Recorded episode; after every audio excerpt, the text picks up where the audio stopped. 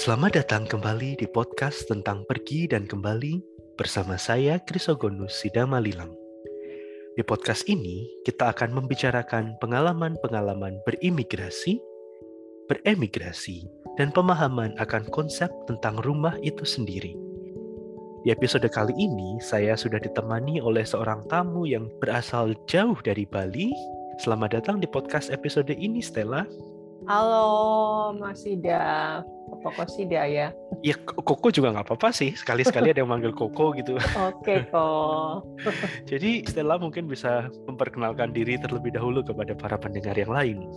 Aku Stella, um, also. Duh kita nggak usah ngomongin umur deh, nanti saya bip deh Oke. umurnya. Maaf, maaf, maaf, maaf, maaf, maaf. Berasa tua ya. iya, di sini semua pokoknya umurnya 17 tahun. Oke, oke. Yang penting udah plus-plus ya.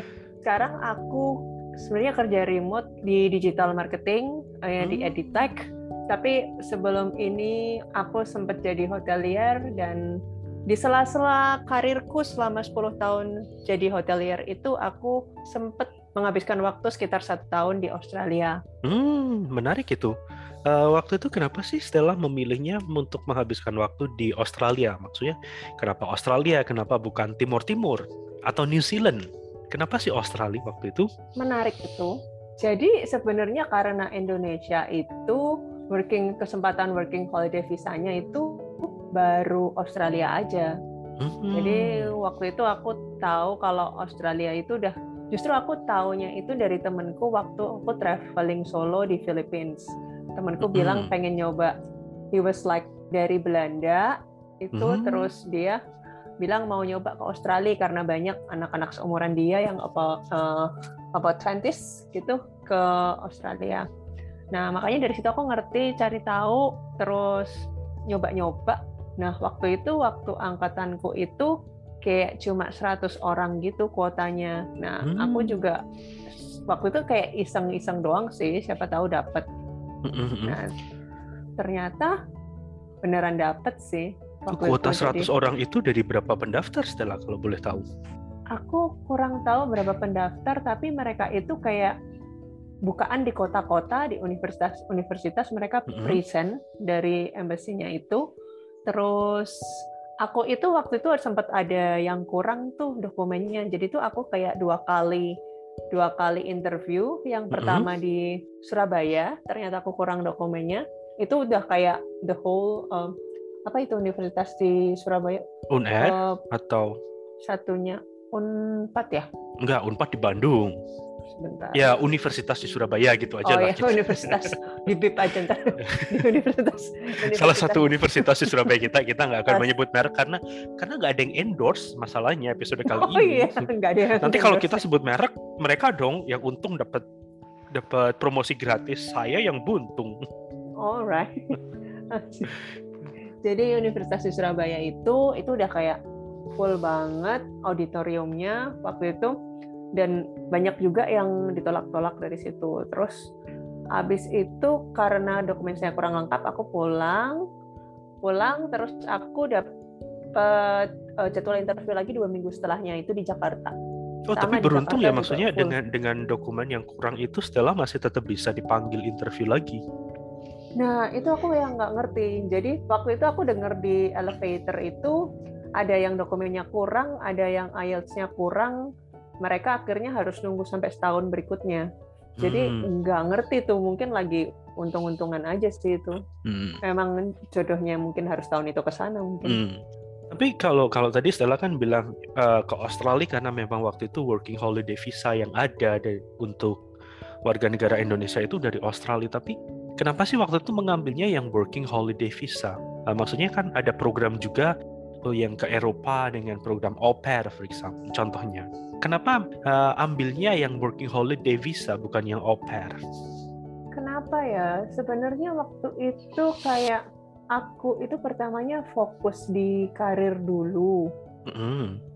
Jadi ketika by the time aku mau berangkat itu usiaku udah melebihi batas usia au pair. Hmm. Nah, jadi Batas usia Karena- au pair berarti 16 tahun ya karena waktu setahu saya kan waktu berangkat kan Stella 17 tahun waktu itu.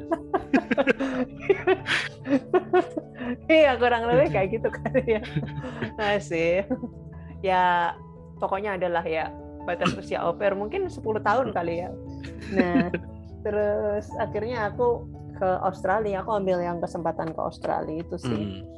waktu itu ketika pertama kali mau berangkat ke Australia sebelum sebelumnya kan memang Stella sudah banyak traveling solo ke beberapa negara kan. Tapi ketika akan berangkat ke Australia itu kan dengan bayangan akan tinggal di sana selama satu tahun itu rasanya gimana, Stel? Maksudnya apakah sama rasanya dengan ketika harus berangkat traveling solo sebelumnya atau ada sesuatu ada suatu hal yang berbeda? Sebenarnya ngeri-ngeri sedep sih. Jadi waktu itu waktu interview itu sebenarnya ditanyain kayak mereka tuh mau jaminan kamu ada paling nggak tempat tinggal di situ. Nah, hmm. kayak ditanyain, kamu tinggal sama siapa di sana? Oh, ada kok temen. Padahal aku tuh sebenarnya nggak ada temen juga.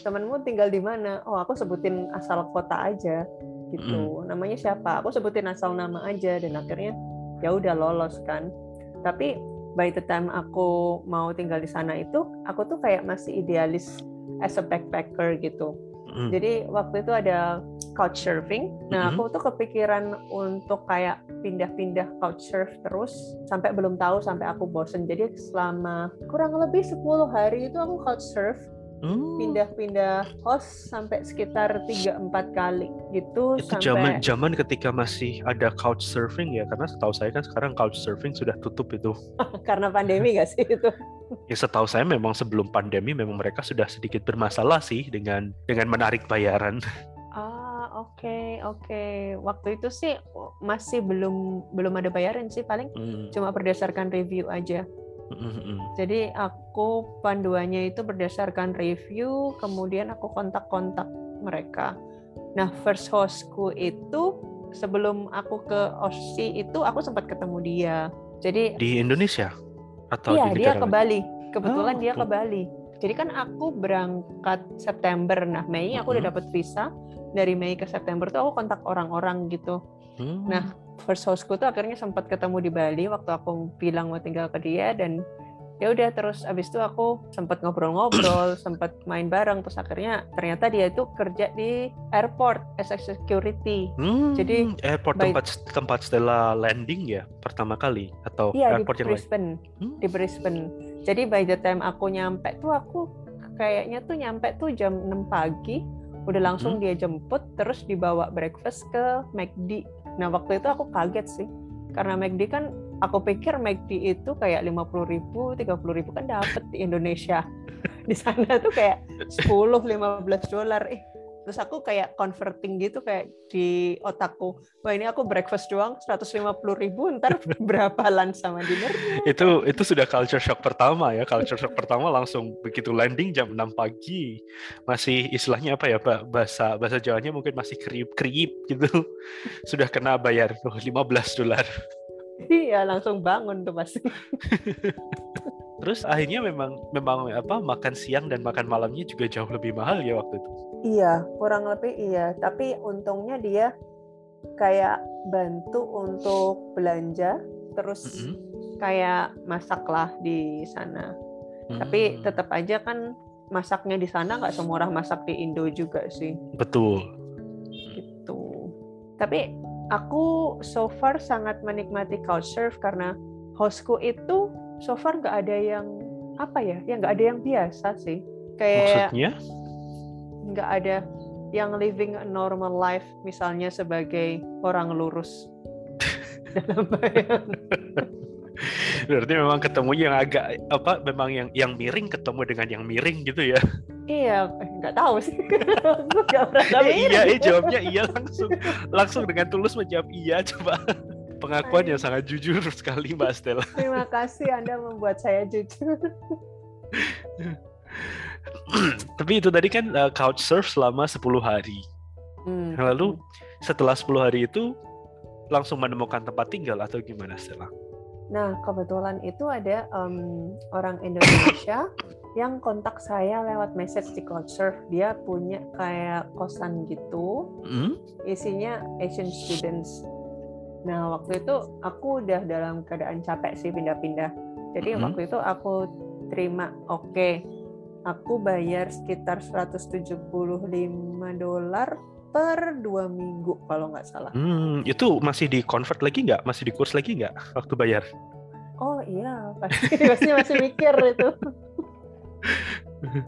Terus habis itu kayak um, aku tinggal sama dia, tapi dia itu kayak sistemnya di sana kontrak. Jadi ketika masuk harus bayar tiga bu uh, satu setengah bulan, tapi harus minimal dua dua bulan atau tiga bulan gitu. Nah akhirnya aku ambil kan karena aku udah capek banget couchsurfing pindah-pindah kan bawa barang ke mana-mana ternyata ternyata itu kayak suburbsnya jauh-jauh gitu kan Oh, bukan nah. bukan bukan di satu suburb yang memang dekat ya, tapi kayak dari utara ke selatan ke timur ke barat gitu ya.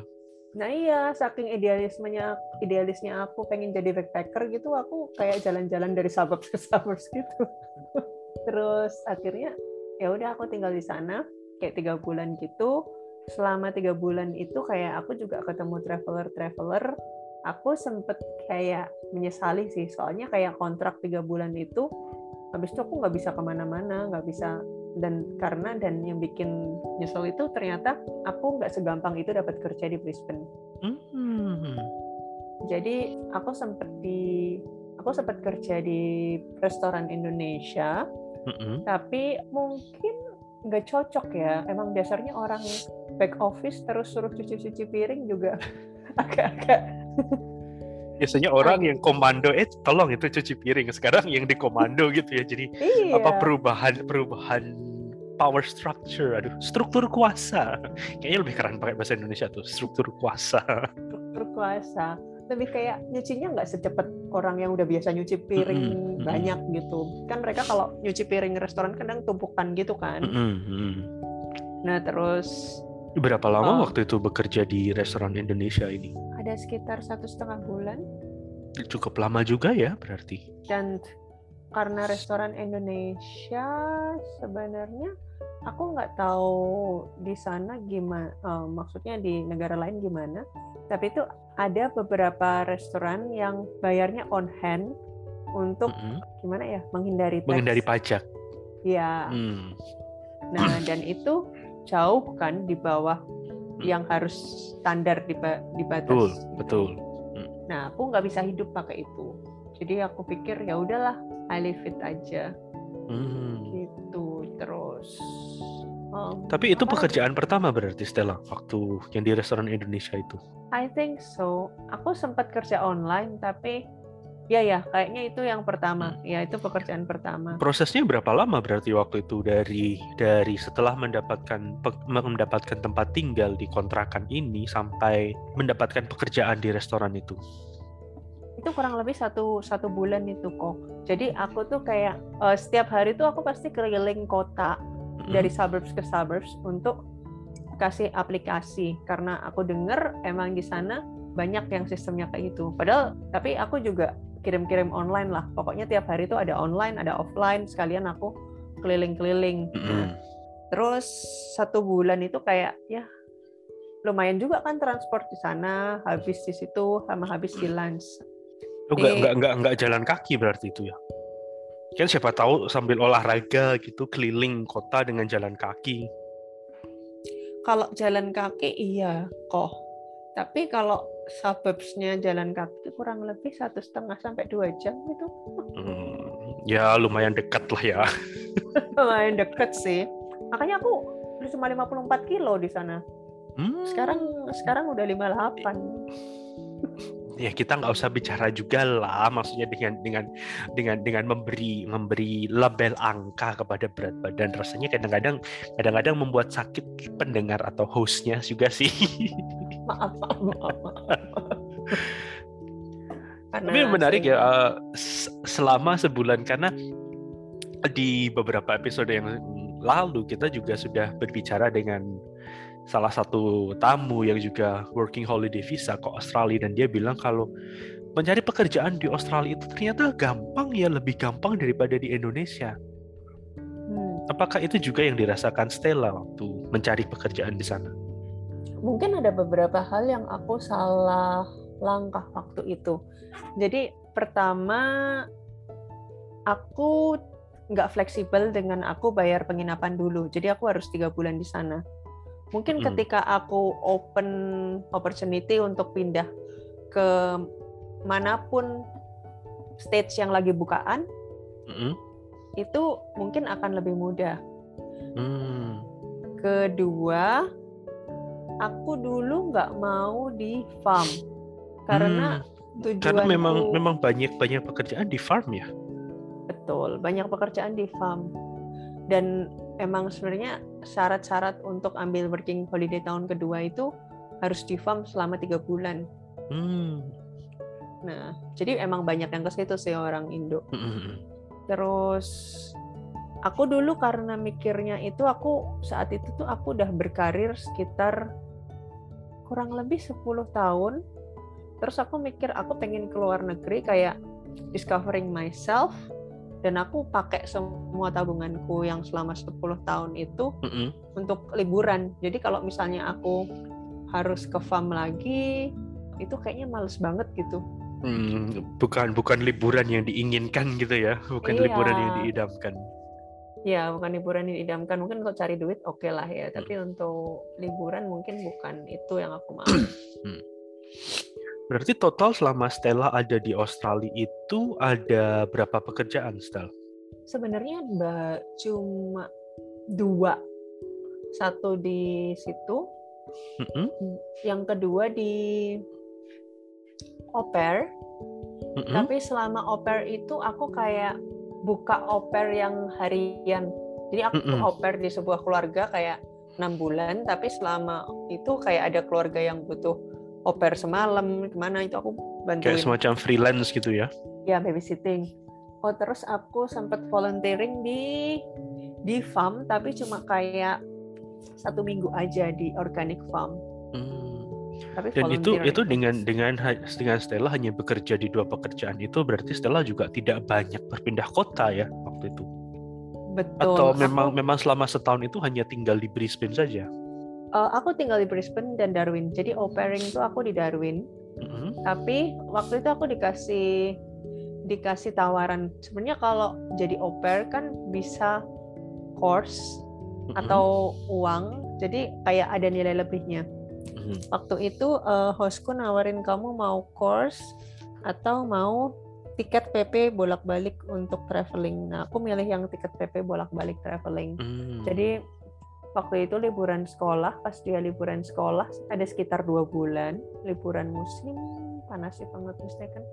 Itu aku keliling dari yang ke Australia Tengah, eh, Red Center itu, kemudian aku Red Center ke itu Uluru. bedanya dengan uh, Red Light Red Light District apa? Oh, Oh, be- beda red- ya, beda ya. kalau red light district itu kayaknya opportunity pekerjaan yang belum sempat saya sentuh kayaknya. Lo enggak enggak saya maksudnya saya bicara tentang wisata. oh iya.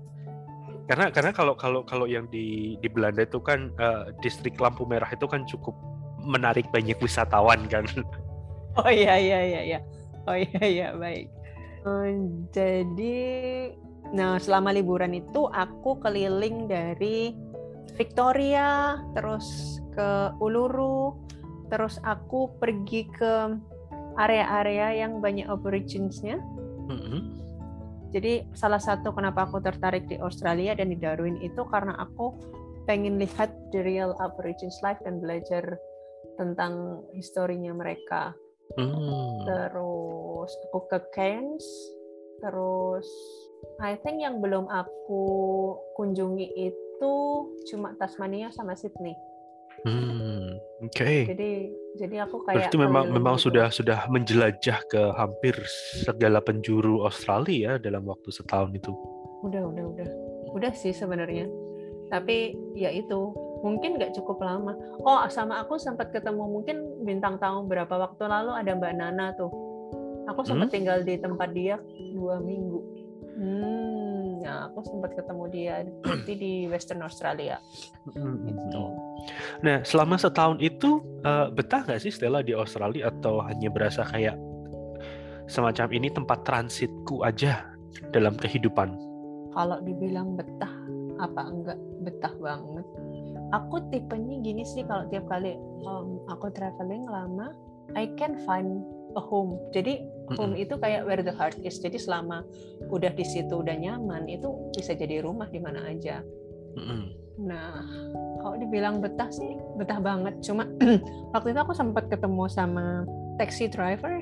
Nah, jadi yang dia tuh nganterin aku dari hostel ke airport. Nah, dia tuh bilang dia dulu tuh working holiday visa di London juga. Tapi uh, dia nyaman banget di London, terus ketemu banyak orang. Tapi at some points kamu harus mikirin hidupmu mau pergi ke mana dan kadang ada tempat-tempat atau hal-hal yang emang lebih baik ditinggalkan dan jadi memori aja. Hmm. Jadi ini, itu rasanya ini, ini, ini quote yang cukup menarik sih ini sebetulnya. Rasanya akan lebih indah ketika jadi memori dan emang oke okay, mungkin Australia aku coba dulu untuk aku tinggalkan nanti misalnya aku emang harus balik lagi pasti akan ada jalannya lah mm -hmm. gitu karena dulu tuh aku emang nggak kepikiran pertama kan aku harus bikin working holiday visa yang kedua nah itu aku nggak nggak sempet untuk uh, ngurusin prasyaratnya yang harus di farm itu jadi mm -hmm. ya emang harus pulang aku saat itu mm -hmm. tapi waktu itu sebetulnya di di Australia tadi kan Stella bilang ya merasa homey di sana waktu itu sebetulnya yang membuat homey apa sih di Australia? Apa ya? Sebenarnya mungkin karena aku bisa ngatur hidupku sendiri satu dua orangnya kan lebih nggak peduli. Maksudnya if if you live in Indonesia itu kadang masih sangat mementingkan uh, kehidupan sarah, sosial. Kehidupan sosial hmm. sara hal-hal seperti itu meng, mengkotak-kotakan orang. Hmm. nah di sana aku lihat orang-orangnya open hmm, memang memang open. itu yang membuat lebih nyaman ya karena karena karena openness keterbukaan itu tadi ya Betul, memang ada kecenderungan lebih individualis, tapi mm-hmm. buat aku itu justru yang kadang kita nggak dapat adalah giving space to others. Mm-hmm. Nah itu yang aku ngerasa itu yang bikin aku homey mm. di sana. Uh, kalau tidak salah, setahu saya kan sebelum Stella berangkat ke Australia, Stella sendiri juga sudah dalam proses membangun rumah kan ya di di di Bali waktu itu. Sebenarnya yang atau bukan sih Jody aja sih pacarku aja Hmm. Nah, yang, yang, yang saya penasaran itu ketika ada di Australia dan mulai merasa homey tadi, bagaimana sih dinamika antara perasaan homey di Australia itu kalau dibandingkan dengan rasa kangen tempat nyaman Stella di Bali itu tadi? Besar mana sih sebetulnya? Kalau waktu itu sebenarnya aku homey banget di Aussie. Cuma my logic said it's better to live Aussie and stay in Bali at the moment kayak gitu. Mm-hmm. Tapi emang aku nggak berpikir itu keputusan yang salah karena ternyata dua tahun kemudian itu COVID. Jadi mm. kalau aku pikir aku masih staying uh, di sana dengan keadaan COVID, entah pekerjaan seperti apa itu menurutku akan risky sekali sebagai hmm. tour traveler dan apalagi itu kan hmm. baru tahun ketiga belum bisa permanent residence juga kan. Hmm. Nah dengan dengan perasaan homey itu tadi ketika akhirnya ketika akhirnya working holiday visanya itu habis dan Stella harus pulang kembali ke Indonesia itu rasanya gimana Stella? Rasanya berat kayak kurang banget kayak aku kayak mm, mikir ya aku belum sempat ke Sydney belum sempat ke Tasmania. Kayaknya itu kayak kurang banget aku masih pengen keliling-keliling bebas segala macem. Tapi ya udah life must go on. Aku harus balik lagi cari duit nggak cuma hambur-hambur. Gitu logik berarti berarti dengan logika itu nanti kalau duitnya sudah terkumpul balik lagi ke Australia. Boleh dong kalau mau untuk liburan gitu. Kalau... atau atau aku... mungkin atau mungkin pindah sekalian kerja di sana gitu Nah, sayangnya Australia nggak segitunya ya untuk menerima pendatang, uh, menerima orang asing kan mereka harus punya expertise kan. Hmm. Soalnya kalau yang kalau yang saya dengar dari tamu kita beberapa episode yang lalu itu kan sektor hospitality itu sangat butuh banyak orang di Australia. Sementara Stella sendiri juga punya pengalaman bekerja sebagai hotelier selama bertahun-tahun. Jadi pengalaman itu bukannya bisa ya ditransfer untuk bekerja, mendapatkan pekerjaan di Australia misalnya? Bisa, tetapi masalahnya expertise aku, eh, aku di role aku di hospitality itu yang di Bali itu adalah PR. Nah, Hmm. sementara yang mereka butuhkan itu kurang lebih ya di operasional yang Hmm. mungkin untuk housekeeping, food and beverage, engineering. Nah, jadi di sana kalau orang kalau untuk marketing atau PR, aku pikir mereka juga dari segi bahasa pilih yang lokalnya mereka sendiri lah. Hmm. Yang memang sudah tahu Medan gitu ya berarti. Ya, betul. Mungkin Anda ini kali ya. hmm, selama aku cari kerja itu aku kayak mendapatkan hal-hal aneh sih sebenarnya. Mungkin ini kayak ekstra gitu. Jadi sempet aku tuh kayak apply ke aku lupa platform apa, pokoknya salah satu farm gitu. Hmm? Nah, em, kayak owner farmnya itu dia udah udah kayak lumayan terkenal itu udah kayak di eh, newspaper segala macem. Dia itu kayak eh, bilang kamu orang Indonesia ya. Aku nggak tahu Mhm. sih kayak culture-mu kayak gimana. Memang kenapa? Kalau di sini kita open minded gitu. Dia bilang kayak gitu. Aku pikir open minded. Ya aku traveling pasti open minded dong gitu. Mm-mm. aku nggak masalah sama yang beda itu terus uh, terus dia tuh kayak ulangin lagi do you know what I mean by open minded with open minded ternyata maksud dia itu kayak di sini aku single uh, udah nggak ada istri biasanya turis-turis itu kadang kita tanpa pakaian di weekend di luar jam kerja. Uh. terus kayak what okay I think that's not my culture kayak Mm-mm. Oh, oke. Ternyata itu maksudnya open minded. Nah, aku tuh kayak baru tahu kata-kata open minded itu kayaknya dibawa ke situ. Hmm. Kayak aku pernah sempet baca iklan kayak gitu, ada yang cari rumah. Terus aku juga sempet cari rumah sharing kan, terus Mm-mm.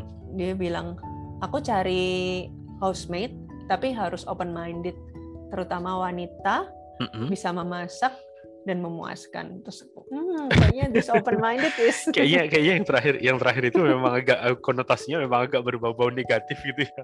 Iya, jadi yang kayaknya aku agak oh oke ya tapi nggak apa-apa kalau mereka mau jujur kayak gitu kan tinggal kita yang milih. Betul, betul, yes or no. betul, betul lebih leb- apa kayak, kayak lebih baik di dibuka di awal kan jadi jadi memang tahu Betul, betul. dan intinya juga tahu tahu sama tahu resikonya juga sudah sudah sudah ada dari awal. betul. Wow, menarik itu. Eh, untungnya Stella nggak sempat tinggal di sana ya? Atau Untungnya enggak. untungnya enggak? Untungnya enggak. Untungnya enggak. Aduh, semoga semoga nanti Mas pacar kalau mendengar ini nggak nggak marah ini. Harusnya enggak sih. Udah pernah cerita kok. oh, baik baik ya memang memang itu ya apa eh, dibuka dari awal open minded. Open minded. open minded. baik baik. Lalu pertanyaan terakhir sih Tal.